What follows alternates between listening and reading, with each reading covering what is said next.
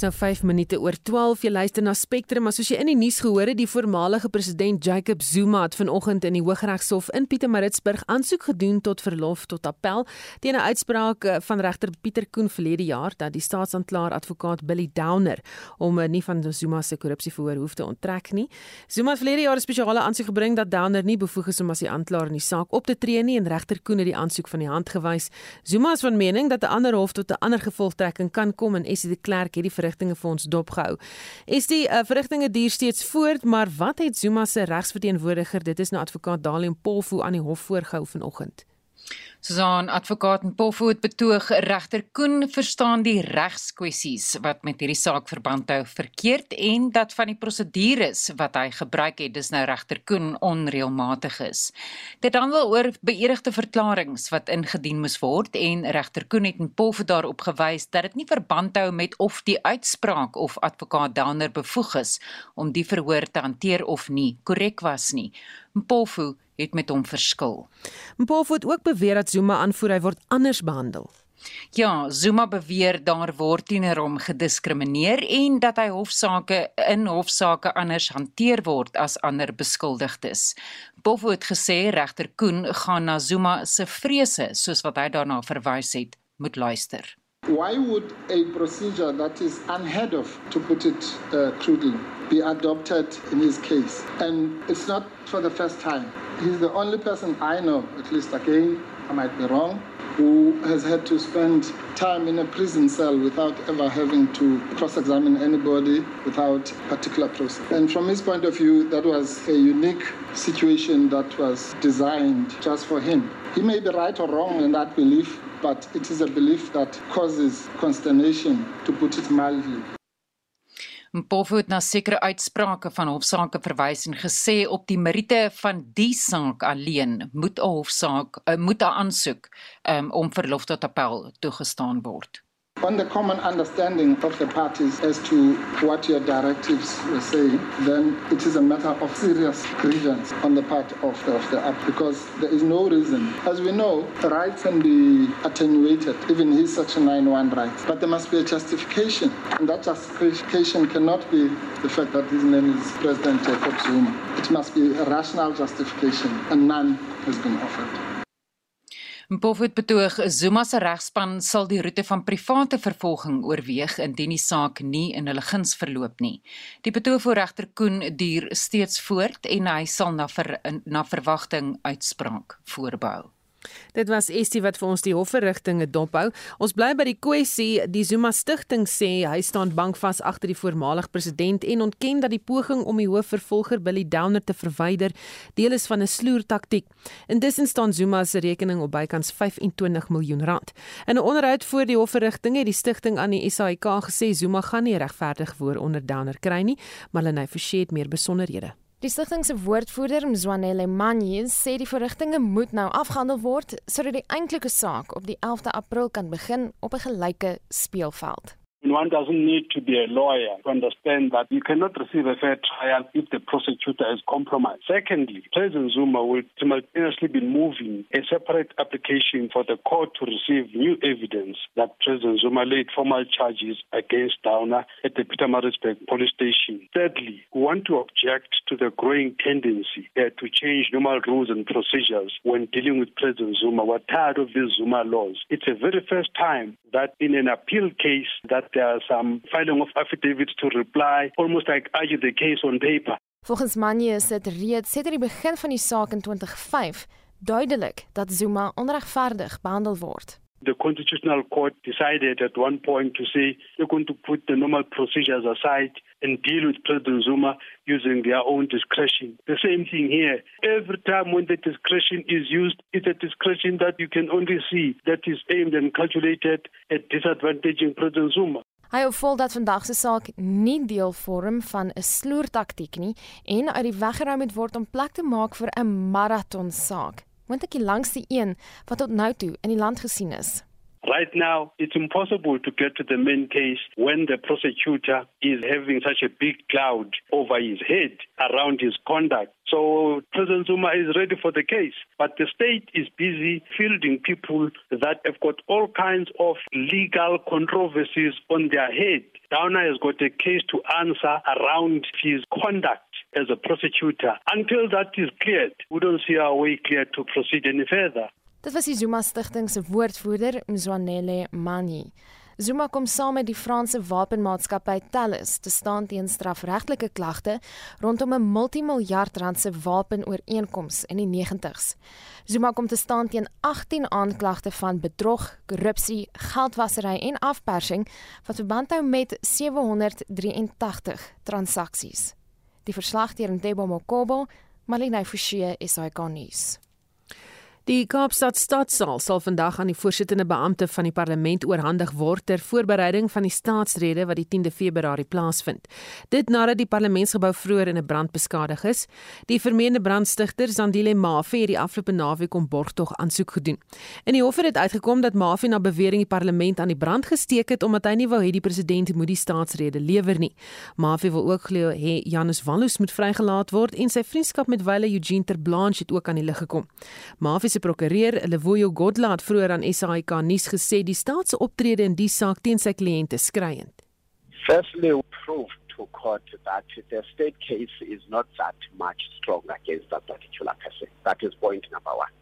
And that the confession they were attempting to lead in court, it was not accepted by the court. Court refused, said this is not the time for that. Now it will only come out when we are busy dealing with a trial. And again, Mr. Mafe appeared in court, if you still remember, on the 4th of January uh, without any charges against him other than charges that fall under Schedule 1, which is arson and housebreaking uh, with the intention to steal.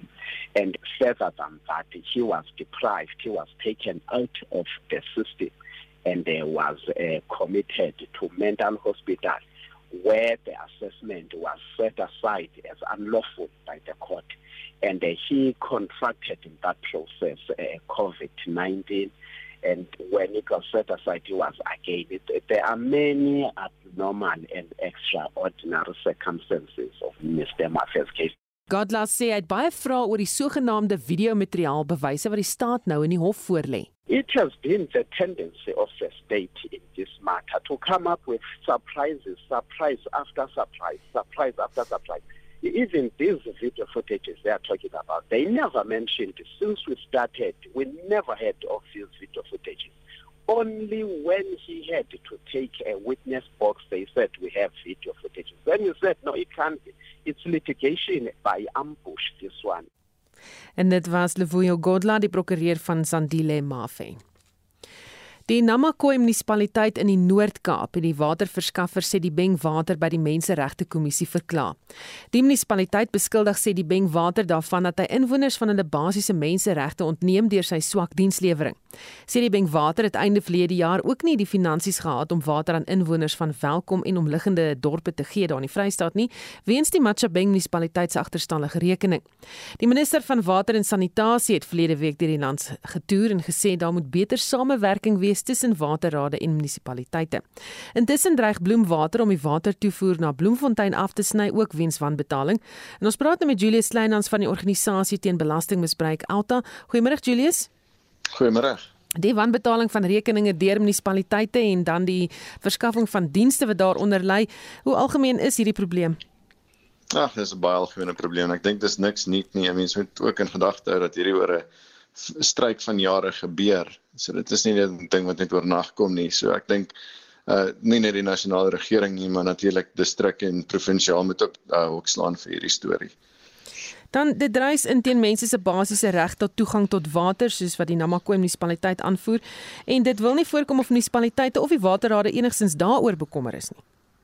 Ja, dis dan jy um, ons sien dat mense nie in 'n persoonlike danigheid aangevat word en verantwoordelik gehou vir sulke nalatighede nie en dit dit gaan 'n meer algemene probleem raak in Suid-Afrika en sien hoe munisipaliteite, uh, distrikte en natuurlik die waterrade jaar op jaar versuim om die regte finansiële bestuur toe te pas. So hulle begroot ook nie eens reg om hierdie infrastruktuur te onderhou nie, nietemin uh, die nuwe infrastruktuur wat ontwikkel moet word nie en sodat politieke um, spel ook maar sy sy spele afspeel sien ons ook hoe baie van hierdie gemeenskappe en verstedeliking plaasvind. Jy weet mense word geskuif daar word groter aanvraag toegedien op water, maar daar is tekorte. So uh, munisipaliteite bly nie voor nie. Uh, ons sien ook dat die tesourie wat geld begrotings uh, aan munisipaliteite uitbetaal dat daai geld nie reg bestee word nie. En ag jy weet op 'n van die dag is 'n warrelwind uh, en uh, ons sien nie regtig 'n uh, 'n uh, suksesvolle uitkomste in die munisipaliteite en die enigste wyse hoe dit regtig omgekeer gaan word is as uh, ons nie hoor hoe die ministers praat van dat waterrade en munisipaliteite moet begin saamwerk nie. Ek meen dit is wat die wet sê, maar dat ons eintlik sien dat individuele begin uh, vasgevat word en dat ons sien dat ehm um, dat hulle performance kontrakte en goederes nagesien word en hulle verantwoordelik gehou word.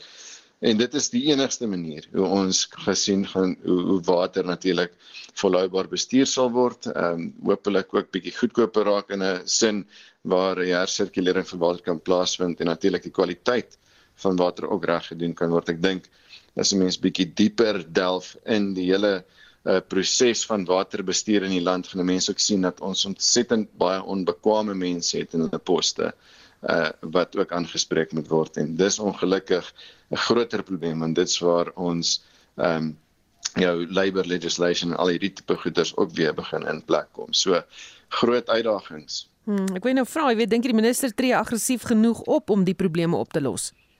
Nee, glad nie. Dis 'n minister. So uh, dis 'n politieke spel. Ehm um, ek ek moet by by dit met ek in dieselfde sin ook sê, ek dink dis vir die eerste keer in 'n lang tyd dat ons 'n minister het wat eintlik uh, veronderstel is om bekwam te wees in die pos. So dis nog dis nog vroeg uh jy weet hy's nog net 'n paar maande in die pos, maar hy hy het goeie agtergrond akademies en hopelik is hierdie minister wat goed kan omswaai maar hierdie minister met hierdie pos beklee vir 'n hele paar jaar. Ons kan nie sien dat hierdie minister weer vervang word uh binnekort nie. Ek ek weet nie hoeveel ministers het ons in die laaste dekade gehad in hierdie pos nie maar ehm um, hulle moet begin om individuele verantwoordelik te hou om hulle werk te doen. En daar's so geweldig baie groot salarisse wat betaal word.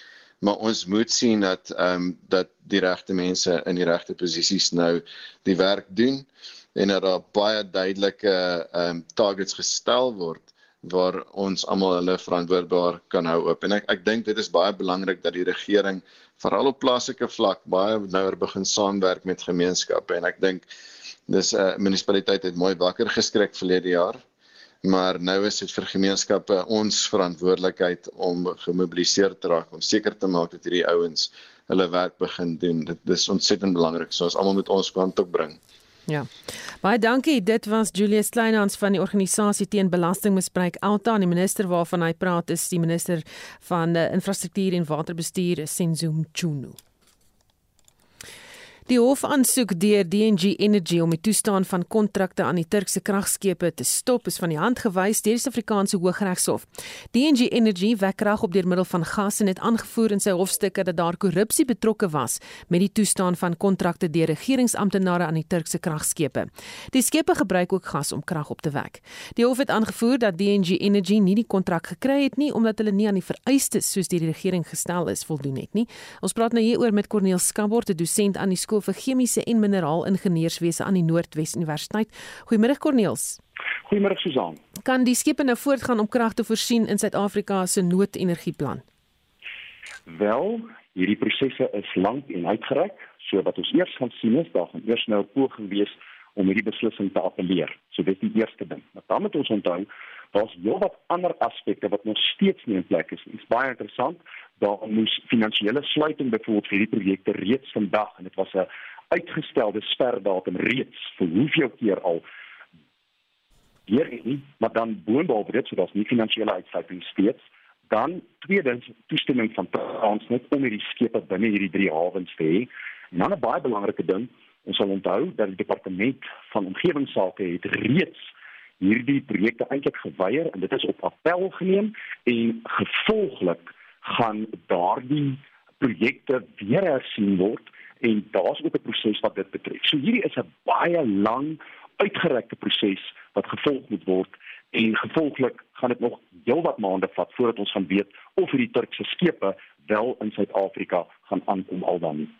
Beteken die hofuitspraak dan wel dat daar geen onreëlmatighede was met die kontrakte of verkryging van hierdie Turkse kragskepe nie? Wel, dit op die oog af lyk dit so maar daar sekere sake wat hierdie maatskappy wat die wat die aansoek ingebring het nie in plek gehad het nie. So ek weet nie regtig nie by Rita van die saak dat ons gekyk moet word wat regtig daar gebeur het, maar ons kan nog steeds nie uitsluitsel gee of daar korrupsie was of nie korrupsie nie. Die probleem wat ek met hierdie saak het is selfs al word hierdie saak afgehandel, daar's ander aspekte Susan wat definitief problematies is en een van dit is en Suid-Afrikaners moet daarvan bewus wees.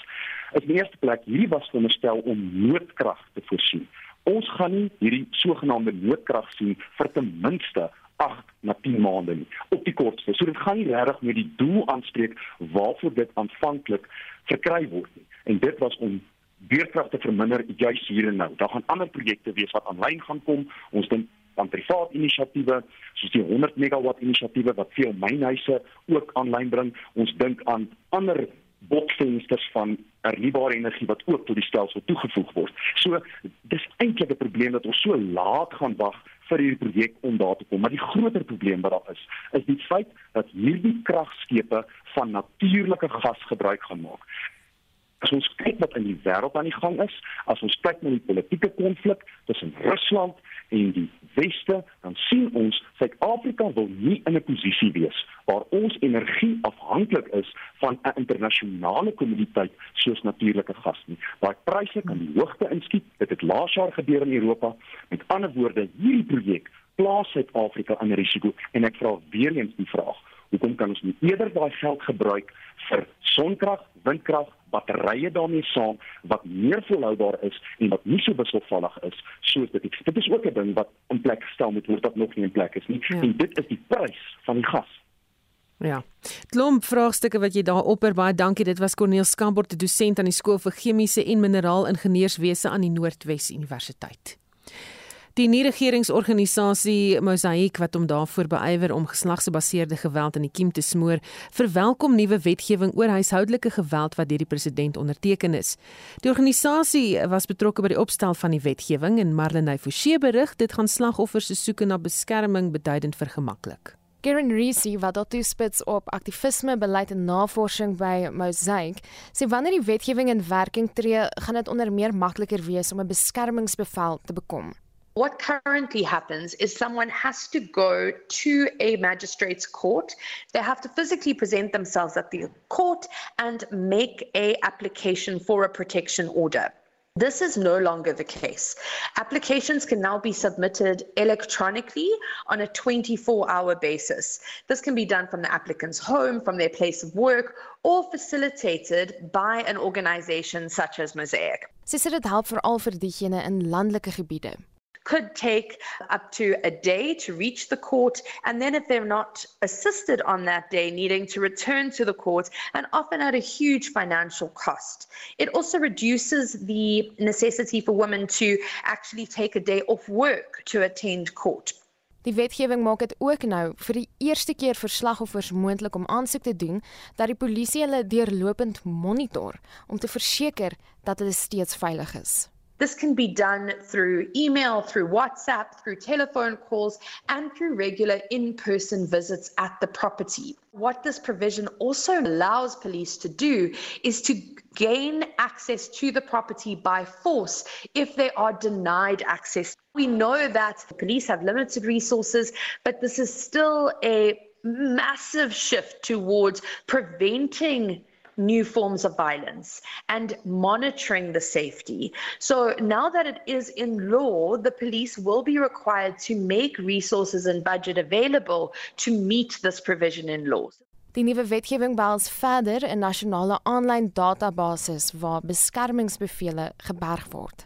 Currently, if you visit a court and you visit a clerk's office at the court, you will see multiple boxes of paper based files that contain copies of all the protection orders and all dockets related to protection orders are filed in paper based within the court.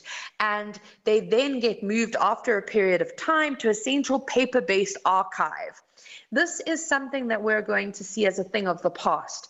All applications will be captured electronically and will be accessible at every magistrate's court. Wat die huidige stelsel betref, moes leers boonop van een hof na 'n ander gestuur word met koeriers. Indien 'n slagoffer sy of haar beskermingsbevel nou verloor, kan hulle ook by enige hof aansoek doen vir 'n afskrif. It doesn't require the court to go and search through a paper based file. So, this is a huge move in the right direction for having the centralized system that allows victims to access copies. We know that physical documents get damaged, so this means it's stored electronically. It also allows for electronic copies of documents to be served on the respondent or the alleged perpetrator of the abuse, as well as for the complainant to have electronic copies. Die relevante platforms word nog gedigitaliseer en behoort in die middel van die jaar gereed te wees. The Department of Justice and Constitutional Development are currently working on an electronic system. They haven't launched it as yet, but where the access does come into play is that anywhere that there is internet access or data access, somebody is able to go to that much more survivor centered space or victim centered space, like an organization like Mosaic, who can then assist with doing the affidavit online, submitting their application online. But what we are hoping is that whichever platform that the Department of Justice and Constitutional Development do elect to use for the uploading of these applications is that we're hoping it will be done on a data-free platform. Dit was Karen Reesy van die nie-regeringsorganisasie Mosaic. Sy spits haar toe op aktivisme, beleid en navorsing. En die verslag is saamgestel deur Marlenae Forsie. Die publiek gaan met begin om aktief deel te neem aan plaaslike regering om dienslewering in hulle munisipaliteite te verseker. 'n DA wykraadslid in wijk 64 in Centurion, Casper McDonald sê dienslewering reg oor die land is in chaos gedompel weens die politieke onstabiliteit in die land. Inwoners van veral Centurion begin al harder mor oor die swak toestand van die paaie daar en hoekom die Tshwane Metro Raad niks doen nie. McDonald het gepraat ter 'n herwinningsdag wat gereël is om inwoners die geleentheid te gee om hulle elektroniese toestelle te herwin.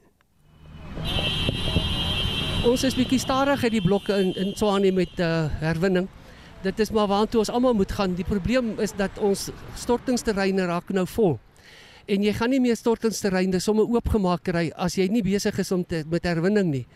En dis 'n groot proses om dan jou inwoners te kry op die punt waar hulle dan nou begin gewoond raak aan die idee van ons moet ons goederes uh, skei en ons moet herwin en en en dit is nou maar daai poging wat ons dit mee begin het 'n paar jaar terug saam met Blue Soul. En dit was aanvanklik as ek reg is een keer elke 2 maande en hy het nou opgeskuif na 2 keer 'n maand toe wat ons reg oor Centurion dit adverteer met ons wijkraadslede van die DA en dan kom die mense en dan kom laai hulle hulle goederes hier af. En sê vir my, is dit 'n manier om mense op te voed om self deel te neem aan hulle omgewing? Want hulle kan maklik sê, nee, wel, dis nou nie my probleem nie. Hoekom sal ek nou kom herwin of hoekom sal ek nou enigiets aanmeld in 'n munisipaliteit? Uh ons moet ons mense kry op die punt waar ons vir onsself begin dinge doen. Ons kan nie net vinger na iemand anders te wys nie. Daai dae is verby.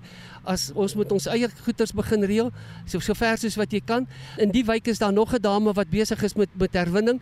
En en ek byvoorbeeld by my huis skei ek ook die goeders. Ons het hierdie trolley manne wat party mense hou van hulle ander mense kan hulle glad nie hanteer nie. Hulle krap in die asblikke en maak 'n gemors, maar ek sit my goed in verskillende sakke en ek sit hom voor my neer en hy krap nie meer in my asblik nie. So dis maar 'n 'n poging wat ons aanwend om die mense regtig bewus te maak dat ons sal op 'n stadium sal dit definitief wees dat jy by jou huis begin om die goederes in verskillende houers te plaas en verskillende tipe materiale apart van mekaar in te gee. Hier is 'n groot metro uh, waarin jy werk met jou wijk. Maar as jy raad het vir mense reg oor die land wat in munisipaliteite bly en wat sien daar's agteruitgang, wat sal dit wees? Die dienslewering is 'n probleem. Veral in Tshwane, dit, dit is maar dis 'n gegewe. Ons ons hoef nie eens daaroor te probeer argumenteer nie. Uh ons sukkel met 'n groot agterstande wat uit is. Ons sukkel met 'n uh, kundigheid wat nie noodwendig altyd daar is nie. Ons sit met spanne wat heeltemal te min is om by die werk uit te kom wat daar by uitgekom moet word en dit gaan op die ou end alles oor geld. Nou, toe ons onder administrasie was, na daai 8 maande tydperk was ons 4 miljard in die rooi. Geld wat net weggeraak het. Niemand ons is maar daar's ondersoeke nou om te kyk waar daai geld heen gegaan het of wat ook al. Maar dis daai tipe geld wat ons nodig het om dienste te verbeter. Ons inwoners skuld ons 'n paar miljard rand op agterstallige diensgelde wat hulle nie betaal nie. En dan die staatsdepartemente en jou ambassades. Hulle skuld ons ook 'n groot klomp, miljarde wat hulle ons skuld. Nou die probleem is jy kan sommer net gaan sit en, en krag begin afsit by daai mense, maar jy sit met die gesondheidsdepartement wat vir ons hier by die 800 900 miljoen rand skuld. Jy kan nie hulle krag afsit nie. Dan is die hospitale sonder krag. Jy weet so dit is nie altyd so maklik om te sê doen sommer net gou. Daar's nie 'n maklike oplossing nie. Dis swaar kry en dis swaar besluite wat geneem moet word, moeilike besluite wat 'n mens moet neem en wat 'n tyd gaan vat voor hy regtig op die grond uitkom en dat hy op die grond die veranderinge gaan sien. En dit was 'n DA wijkraadslid in wijk 64 in Centurion Casper McDonald, maar terug na die herwinning in die Pretoria gebied, omdat daar nie aktiewe program is om dit aan te moedig onder inwoners nie, steur mense hulle gewoon net nie aan die probleem nie. Dis ook vir baie mense te veel moeite om al die vullis te skei en te herwin, behalwe vir die inwoner wat vlugtig met my gepraat het. Herwen jy sommer by die huis self? Ja, meeste van dit daai papier is van die werk van die shredding, maar die res is by my huis, ja. Robert Thompson van die Blue Soul Herwinningsmaatskappy sê die enigste ding wat hulle nie kan herwin nie is skoolboeke waarin papier met gomstafies vasgeplak is. Jy gooi al jou goed wat jy vermoed is herwinbaar, sit jy in die drom. Ons gee ook vir jou lys en jy kan van daar af werk. Al wat ons nie daarin is wil hê nie is goed soos kos en goed wat kan afgaan. Daar's interessante goed wat betref herwinning. Ek het altyd gedink, "O, ek het 'n pizza geëet, ek gaan daai kartonboks nou onmiddellik daar herwin." Maar hy het klokkos op. Kan hy herwin word? Ja, hy kan herwin word. Hy kan herwin word. Hulle word in anyway weer gesquash. Hulle word gecrash en uh, so hulle word verwerk. Ons wil dit net ons wil dit net hê. Al is sy file hulle kan herwin word. Hy is nie weggooibaar nie. Ja, so so ons moet nie dink goed, jy moet as jy dink hy kan herwin, gooi in. Jy lê ja, vat hom.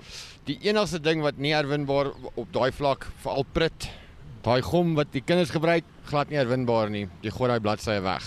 Ons kan nie dit saam met die papier herwin nie. Die die houertjie is herwinbaar, mm -hmm. maar as jy hom op 'n bladsy gebruik het, hulle kan hom nie die papiermanie uh, vervaardigers kan hom nie weer herwin nie.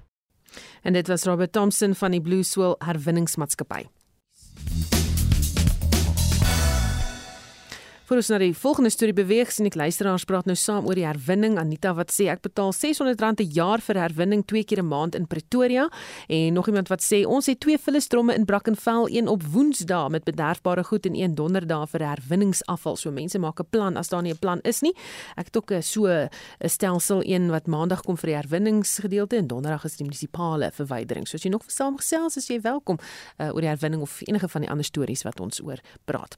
Die nasionale bloeddiens sê hy voer 'n stryd om genoeg bloedvoorraad te bekom. Die organisasie sê mense die afgelope jaar al hoe minder bloed geskenk en sy voorraad het 'n kritieke punt bereik. Ons praat nou met die mediese direkteur van die SAMBS, Dr. Karen van der Berg. Goeiemôre Karen. Goeiemôre. En watter bloedgroepe spesifiek is daar 'n krisis op die oomblik en waaraan kan dit toegeskryf word? Soos gewoonlik is dit groep O waarin ons die grootste aanvraag het of tekort het op hierdie stadium, maar groep B ook. Um maar regtig waar op hierdie stadium soek ons almal. En die rede vir hierdie uh, ernstige tekort is in deels omdat ons uh, toegang tot ons skenkers baie beperk was oor die laaste 18 maande en dan ook oor hierdie laaste paar weke in Januarie was die aanvraag na bloed hoër as wat ons nog ooit van tevore in 'n Januarie maand gesien het. So die twee goed saam het regtig vir ons 'n baie ernstige krisis veroorsaak. En voorsien julle dat hierdie aanvraag na bloed gaan toeneem? Ons verwag die hierdie hoër aanvraag is gewoonlik om aan te hou vir die volgende paar maande. Ons dink die grootendeels die rede daarvoor is die weet die toegang tot mediese dienste tydens die groot uh, COVID epidemie uh, golwe was baie beperk. So mense kon nie toegang kry tot die hospitaal om hulle heupe en knieë te vervang, rigoperasies moes uitgestel word. In sekere gevalle moes selfs jou kankerpasiënte se behandeling uitgestel word. En soos wat die hospitale nou meer toeganklik raak vir pasiënte en vir dokters, is daar nou 'n toeloop um, om al hierdie uh, behandeling wat agterweë gebly het nou op te vang mee. En en ons dink, ons vermoed, ons het nie 100% bewys daarvoor nie, maar gesprekke met my kollegas ehm um, klink dit of dit wel ook hulle saamstem dat, dat dit die rede is hoekom ons hierdie skielike verhoogde toename in aanvraag en bloed gehad het. Waar kan mense uitvind waar hulle kan bloed skenk?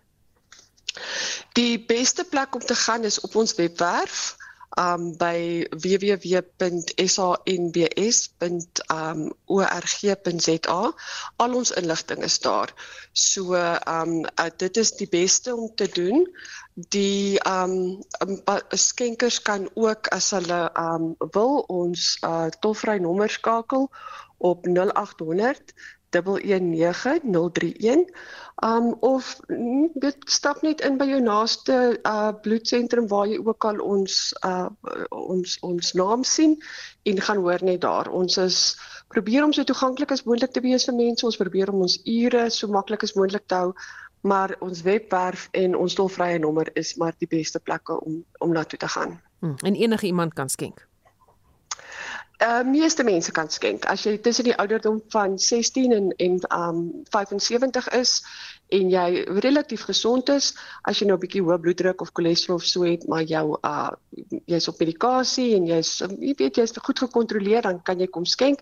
Daar's baie min toestande wat sou maak dat mense nie kon skenk nie. Natuurlik, um moet ons altyd versigtig wees rondom uh weet 'n lewenswyse wat relatief uh veilig is maar andersins is dit kan omtrent almal skenk. Baie dankie. Ons het gepraat met die mediese direkteur van die Suid-Afrikaanse Bloeddiens, Dr. Karen van der Berg, gaan skenk asseblief bloed. Die mediagroep Independent Online berig dat 'n kanonskoot wat van 'n fregat van die Suid-Afrikaanse vloot afgevuur is, die berg langs Simonstad getref het. Die skoot het volgens die berig naby geleë huise rakelings gemis. Daar word ook beweer dat die vloot die gebeure probeer toesmeer. Intussen sê die direkteur van African Defence Review, Darren Olivier, dat dit na 'n wolhaar storie klink. I strongly believe the story is not true and that it didn't happen as the August claimed. The reason for that is that both Dean Wingren and I have reached out to all of our sources in the Navy uh, at Simonstown, and uh, no, none of them claim to have seen anything. They all claim that the Navy has, has done a thorough check. None of the vessels have fired anything, and in fact, none of them were actually even pointed in the right direction for there to have been an, inadvertent firing that fired that direction. A frigate can't just fire its main gun. There's all kinds of checks and, and locks and, and switches that have to be activated and none of those have been. Something else to bear in mind is that other people living in the area have said they heard and saw nothing. Now, the kind of gun used on the frigates is a 76mm Auto Malara gun, which is which is exceptionally loud when it fires. I've seen one firing firsthand. It would definitely have alerted the entirety of Simonstown. In addition, the impact, even of an inert round, is substantial there'd be clear evidence on the mountainside of, of, of the impact, and so far no one's been able to provide anything of that sort. The Argus also claimed that exercise red lines underway, but it's not. Hy sê mense kon maklik harde geluide in die gebied misgis vir 'n skoot wat afgevuur is. Most likely in my view, one or two residents did believe that, that they saw something and they reached out to the media, but they were confused by two things. First, one of the Navy's frigates was carrying out firefighting drills, which would have involved sailors moving over the ship in white anti-fire gear, possibly even some smoke and noise from simulation. Uh, simultaneously, I've heard reports, which to be clear, I haven't yet verified, that uh, wildlife conservation officials were using bear bangers, which are these loud explosive noisemakers, to scare off baboons near the spot where the round supposedly landed. My current theory is that some residents heard the one, saw the other, and assumed something that didn't actually exist and then reached out to the media. But yes, everything I've seen and, and, and, and heard from my sources says this is not true and it's, it's a false story. Spectrum het navraag gedoen by die vloot se woordvoerder, maar het nog geen reaksie gekry nie. Ek is Justin Kennerly vir SI Garnis. Die Suid-Afrikaanse Nasionale Weermag het nou intussen gereageer en pas 'n verklaring oor die voorval uitgereik. Die weermag sê die media berigte is ongegrond en onwaar. Die Kaapstad Metro waarsku dat mense wat onwettig sand uitgrou langs hoofpaaie skade aan infrastruktuur rig of aanrig. Die burgemeesterskomitee lid vir vervoer, Quintus, sê die probleem kom veral in Khayelitsha voor. It's mostly prevalent where there are uh, high numbers of informal settlements which have sprung up over the last sort of year and a half, two year period. Persons are digging into the uh, foundational sort of sandbanks that support uh, elevated roads that are above flays, etc., um, in a manner to either one flatten land so that land is able to be uh, flattened and shacks be erected on that land. The other reason for the sand mining that is occurring is uh, for building purposes as well. So people then use sand for the mixing of plaster, cement, etc. Quinta sê gemeenskappe word gewaarsku oor die gevare om sand uit te grou, maar dit word geïgnoreer. Sometimes the land parcel is falling under national government, sometimes it's falling under the city. So where possible, there's an enforcement, but we cannot unfortunately have a law enforcement officer sitting at every single bridge or on every single road where this is happening all of the time. But it's really important that residents, people, motorists driving along, you see this sort of thing happening, inform the city so you can action law enforcement and metro police teams to get down there and intervene when it's happening. So I think that that is really the only foreseeable, sustainable way forward is number one, education, educational awareness of the dangers. Number two, the enforcement factor of the, the fines or the punitive measures to be taken against people illegally sand mining. Hy sê daar is verskeie paaie wat reeds beskadig is. I did a site visit on uh, Friday morning to uh, the New Way area in Kairicha. And, you know, we, we got out, we, we took a look along the road surface, went underneath along the banks to look at uh, where the road is supposed to meet the surface. And in some instances, almost about, I would say, half a meter um, to a meter uh, underneath the surface of the, you know, you have, you have the bitumen, you have all the tar, then you have the, the substrate of the road. You can actually see a large gap between the road and where the sand should be, which supports that road structure. And I physically, with my own hand, was able to remove chunks of the softer substrate, which is uh, being, com- uh, being completely compromised by that lack of contact between the sandbank and the road. So what that means is, is that, that those sections of road, you can actually break uh, chunks of bitumen uh, or the top layer off with your own hand. Um, and it's a matter of time with the ongoing vibration of heavy traffic along those routes that something quite drastic happens. Quinta sê die geld wat aangewend word om die skade te herstel, kan gebruik word om gemeenskappe te bevorder. Hy vra dat mense nie hul eie omgewing beskadig nie. Ek is Justin Kennedy vir SI Garnis. 'n Verbod op swem in eh, die Touwsrivier by George aan die tuinroete is opgehef. 'n Rioollekkasië in Desember het daartoe gelei dat die munisipaliteit die afgelope maand verskeie kere 'n swemverbod moes instel weens 'n hoë E. coli vlakke in die water. Munisipale woordvoerder Chantal Edwards Clou sê die E. coli vlak word daagliks gemeet om te bepaal of dit veilig is om in die rivier te swem. Watermonsters wat deur George Munisipaliteit vir die Tou rivier verkry is, dui aan dat vir die 23ste en 24ste Januarie die waterkwaliteit skoon is en soos per publieke kennisgewing uitgereik word swem en watersport toegelaat by alle areas van die Tou rivier, insluitend die riviermond en strandmeer binne aangewese swemgebiede. Sy verduidelik dat die munisipaliteit die rivier se water daagliks toets. Wanneer openbare kennisgewings uitgereik word oor die rivierwaterkwaliteit, hou die munisipaliteit streng by die watergehalte riglyne soos uiteengesit deur die departement van waterdienste. Die parameters is soos volg vir volle kontak, dit wil sê swem, 'n telling van 130 oor 100 mil en intermediêre kontak 1000 oor 100 mil. Alhoewel die bestuur van die rivier nie onder George munisipaliteit val nie, was dit oplettend dat onreëlmatige resultate vir E. coli vlakke elke dag ontvang was en 'n omvattende ondersoek is van stapel gestuur om die bron van besoedeling en moontlike oplossings te vind. Die Tuinrite distriksmunisipaliteit rampbestuur het ons in kennis gestel dat hulle hierdie probleem in die rivier al vir meer as 20 jaar ondersoek 'n Vergadering met alle rolspelers word môre gehou om oplossings vir die jarelange probleem te bespreek. Ek is Justin Kennedy vir SI Garnis.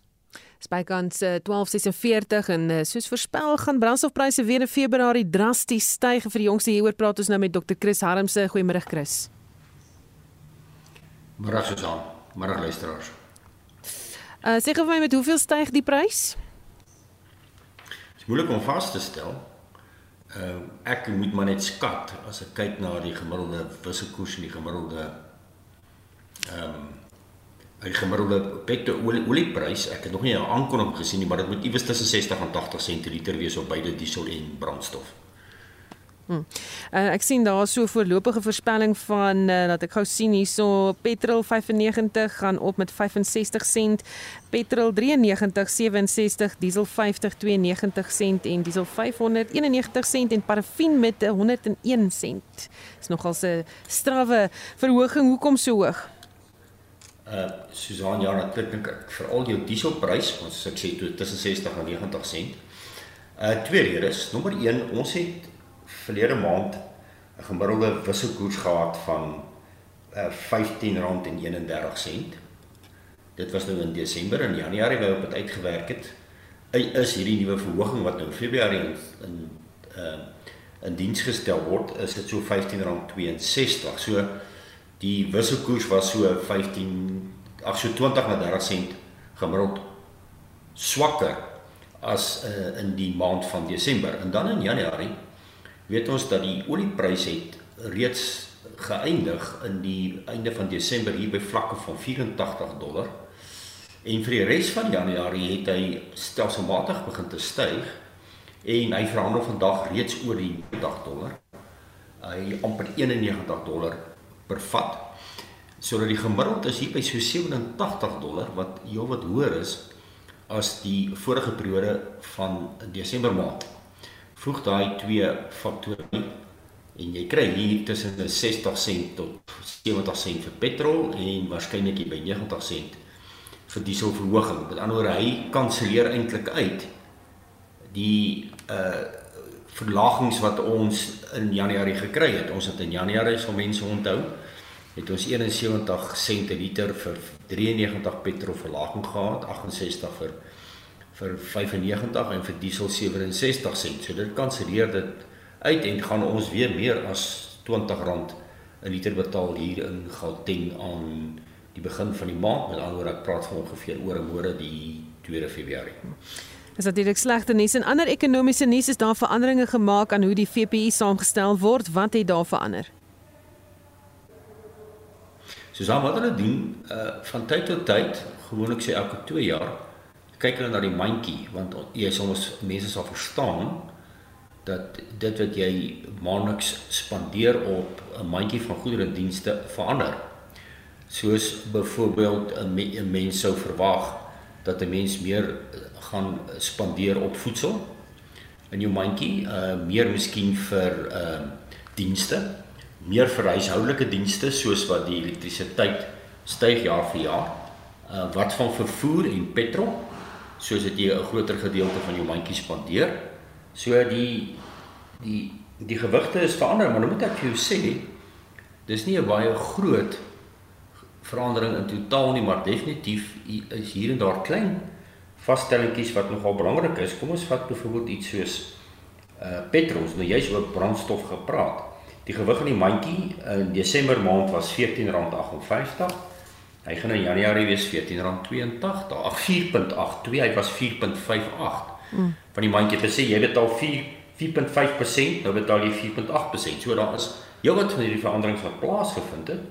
Voedsel byvoorbeeld is laer van 17.48 af na 17.14. So wat die Statistiek Suid-Afrika doen, hy pas nou hierdie uh gewigte aan en dit gaan natuurlik dan nou 'n effek hê op die inflasie syfer van Januarie wat ons verwag gepubliseer gaan word natuurlik hier in die um, middel van Februarie. Baie dankie. Dit was Dr. Chris Harmse van CH Economics. En ons bly by die ekonomie en die sake nuus wat aangebied deur Nikki van der Merwe, portefeuljebestuurder by Netbank Korporatiewe Beleggings. Goeiemiddag Nikki. Goeiemiddag Susan en luisteraars. Markte koop die week meestal in die groen af. As ons kyk na Asië, sien ons die Hong Kong Hang Seng versterk 1,1% en Japaneese Nikkei is ook op met 1,1%. Die Australiese ASX 200 is af met 0,2%. In Europa verhandel die Britse FTSE 100 swakker met 0,1%. Die Franse CAC 40 is hoër met 0,3% en die Duitse DAX is op 0,8%. Plaaslik verhandel ons algehele indeks hoër met 1,2% teen 74330 punte. Die finansiële indeks het hoër met 0,9%, die nywerheidsindeks versterk 2,5% en die hulpbronne indeks het af met 0,1%. As ons kyk na kommoditeitspryse, goud is onveranderd en verhandel teen 1792 dollar per fyn ons. Platinum versterk 0,1% en verhandel teen 1014 dollar per fyn ons en Brent die olie versterk 1,5% en verhandel teen 91 dollar en 35 sent per vat. Dan wisselkoerse, 'n dollar verhandel teen R15.53, 'n pond verhandel teen R20.88 en 'n euro verhandel teen R17.35. Dan rentekoerse, die R186 staatsefek versterk 0,5 basispunte en verhandel teen 'n opbrengs van 7,8%. Vir die week wat voorlê, kan luister daar op die uitkyk vir die volgende ekonomiese data. Die begrotingsbalans wat 'n groot surplus behoort te wees as gevolg van 'n groot belastinginvordering oor Desember maand. Handelsbalans wat na verwagting sal verlaag van 35.8 biljoen na 31 biljoen as gevolg van hoër invoere. Privaat sektor krediet en voertuigverkope syfers, dan die vervaardigingsaankoop bestuursindeks en laastens elektrisiteitsproduksie sowel as verbruiksyfers jaar op jaar. Baie dankie, dit is die einde van die sake. En dit was Nikki van der Merwe, portefeuljebestuurder by Netbank Korporatiewe Beleggings. Comic Con Africa is die afgelope 2 jaar digitaal aangebied weens die koronaviruspandemie. Dit het ietwat van 'n demper geplaas op die kleurvolle expo. Die goeie nuus is dat strokiesprent liefhebbers, superheld aanhangers en rekenaarspeletjie entoesiaste in September die gewilde expo kan bywoon in lewende lywe. Die bemarkingsbestuurder, Rushay Hayden Smith sê 'n groter byeenkomsplek beteken dat mense steeds veilig kan wees. O, daar's so baie wat ons beplan. Ons het op die oomblik soveel goed wat aangaan. Ons het artist alley wat gebeur, ons het gaming gear wat te koop is, ons het internasionale celebrities wat weer deurkom. Hierdie jaar wil ons ook natuurlik alles in real life hê. Ons het soveel goeders digitaal gedoen soos laas jaar wat ons ons online kan gedoen het dat ek dink almal net so graag weer op die skouvloer wees. So ons het alles wat weer gebeur soos gewoonlik met um, Comic-Con. Ons het ons cosplay kompetisies, ons het tonne aktiveringe, so ja, baie baie groot program wat voorlê. Hoe moet julle die Comic-Con Afrika aanpas nou met COVID in gedagte?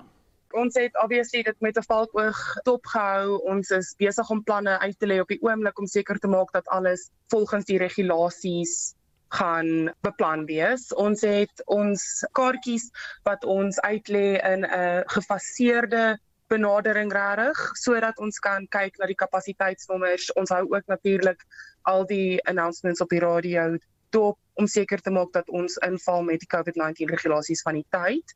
So ons het ons fase wat nou op die oomblik uitgerol word waar ons drie fases het. Op die oomblik is ons besig om weer te gaan na fase 2 toe waar die kaartjies nou R190 is. En dan met fase 3 gaan dit op na R200 toe. Maar weer eens net om seker te maak dat almal veilig is dat ons daai kapasiteit dophou en dat alles volgens die regulasies afgaan Waar word van jaar se Comic Con Afrika gehou? Is dit weer by die Gallagher Estate? Nee, ons het 'n baie opgewonde nuwe huis. Dis baie exciting vir ons almal. Ons gaan nou na Nasrek toe gaan wat ook bekend staan as die Johannesburg Expo Center. Dit is 'n bietjie van 'n groter spasie sodat laat ons toe om meer te groei want soos wat julle weet, groei Comic Con elke jaar ons saglik baie. Dis 'n baie populêre skou om heen te gaan. So ja, ons maak seker dat ons julle almal kan verwelkom. Nou het julle 'n uh, beplan vir 'n geval waar kom ons sê daar's dalk 'n uh, 'n 50 of 'n 60 golf COVID in die tyd wat Comic Con Afrika gehou word. Uh, wat gebeur dan en wat gebeur met die mense wat reeds kaartjies gekoop het? Ja, so ons het ons het ons planne uitgelê vir daai ook. So wat sal gebeur is die wat wel hulle kaartjies gekoop het vooraf kan um, of hulle geld terugkry of hulle kan dit oor laat gaan na die volgende jaar toe. Sy um julle het ook KidsCon wat natuurlik vir die kinders bedoel is. Wat is uh, julle planne met KidsCon vanjaar? So KidsCon is op die einde van die dag Comic-Con vir kleintjies. So daar is aktiveringe in verband met soos tafelbladspeletjies. Ons het 'n klomp karakters wat interak met jou kinders. Daar is games wat hulle kan speel. Daar is ook 'n klomp kinderbrands wat wat sal uitstal en die kinders kry om kompetisies te doen en speletjies te speel. Dis regtig KidsCon is is 'n klein weergawe van Comic-Con. En as ek sê klein, bedoel ek vir al ons klein kids. En dit was Shahden Smith, die bemarkingsbestuurder van Comic-Con Africa en sy het met Justin Kennerly gepraat. Die geregtelike doodondersoek na die Esidimeni tragedie het vandag hervat steeds met getuienis van die voormalige adjunkdirekteur-generaal van die departement van gesondheid in Gauteng, Hanna um, Jacobus wat praat, Marlene Forsie sluit by ons aan met uh, meer besonderhede oor die en ander ontwikkelende stories. Ja, Jacobus is ondervra deur die regsverteenwoordiger van die voormalige hoof van geestesgesondheid, Dr. Makgabo Manamela. Manamela het een van die dae en die kloue kom behoorlik uit veral oor die keuringsprosedure wat gevolg is. Council says according to Dr. Manamela, all the districts identified except Tshwane. Yes. And I'm saying I'm disagreeing with that statement because there were visits conducted before the formal visit at the hospitals and Visits were conducted in Swane for expansion, but it was done informally, as I've said. En ons sien nou hier op die TV die spesiale ondersoek eenheid gaan die pensioenvoordele van 10 voormalige regeringsamptenare vries. Dit nou te midde van 'n burgerlike saak teen hulle sluit in die vorige Noordwes departementshoof daarvan openbare werking um, en dan ook die Gautengse finansiële beamptes daar. So dis 'n storie wat ons beslis dophou. Nog 'n storie op die radar. Die presidentsie ontvang môre amptelik die tweede deel van die Zondo-kommissie se staatskapings verslag. Druk op die Wes-Kaapse premier Alan Windey neem toe dit oor beweringe van seksuele aanranding teen die geskorste minister van gemeenskapsveiligheid in die Wes-Kaap Albert Fritz. Nou Windey of eerder Albert Fritz. Windey praat om 10 oor 7 môreoggend met die monitor span.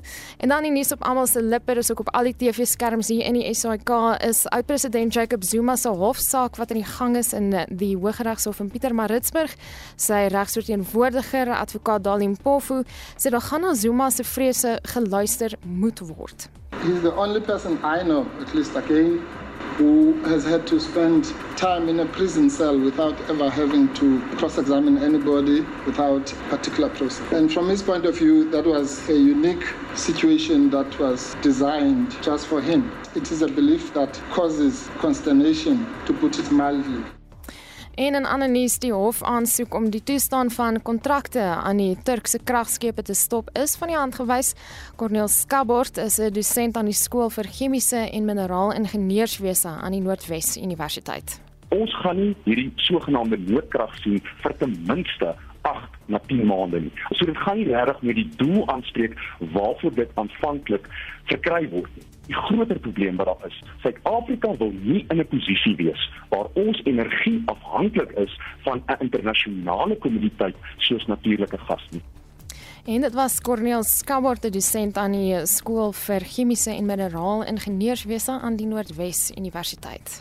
'n Sisteem van Marlenae Forsie met 'n oorsig van die afgelope uur se hoofnuus en stories wat nog aan die ontwikkel is.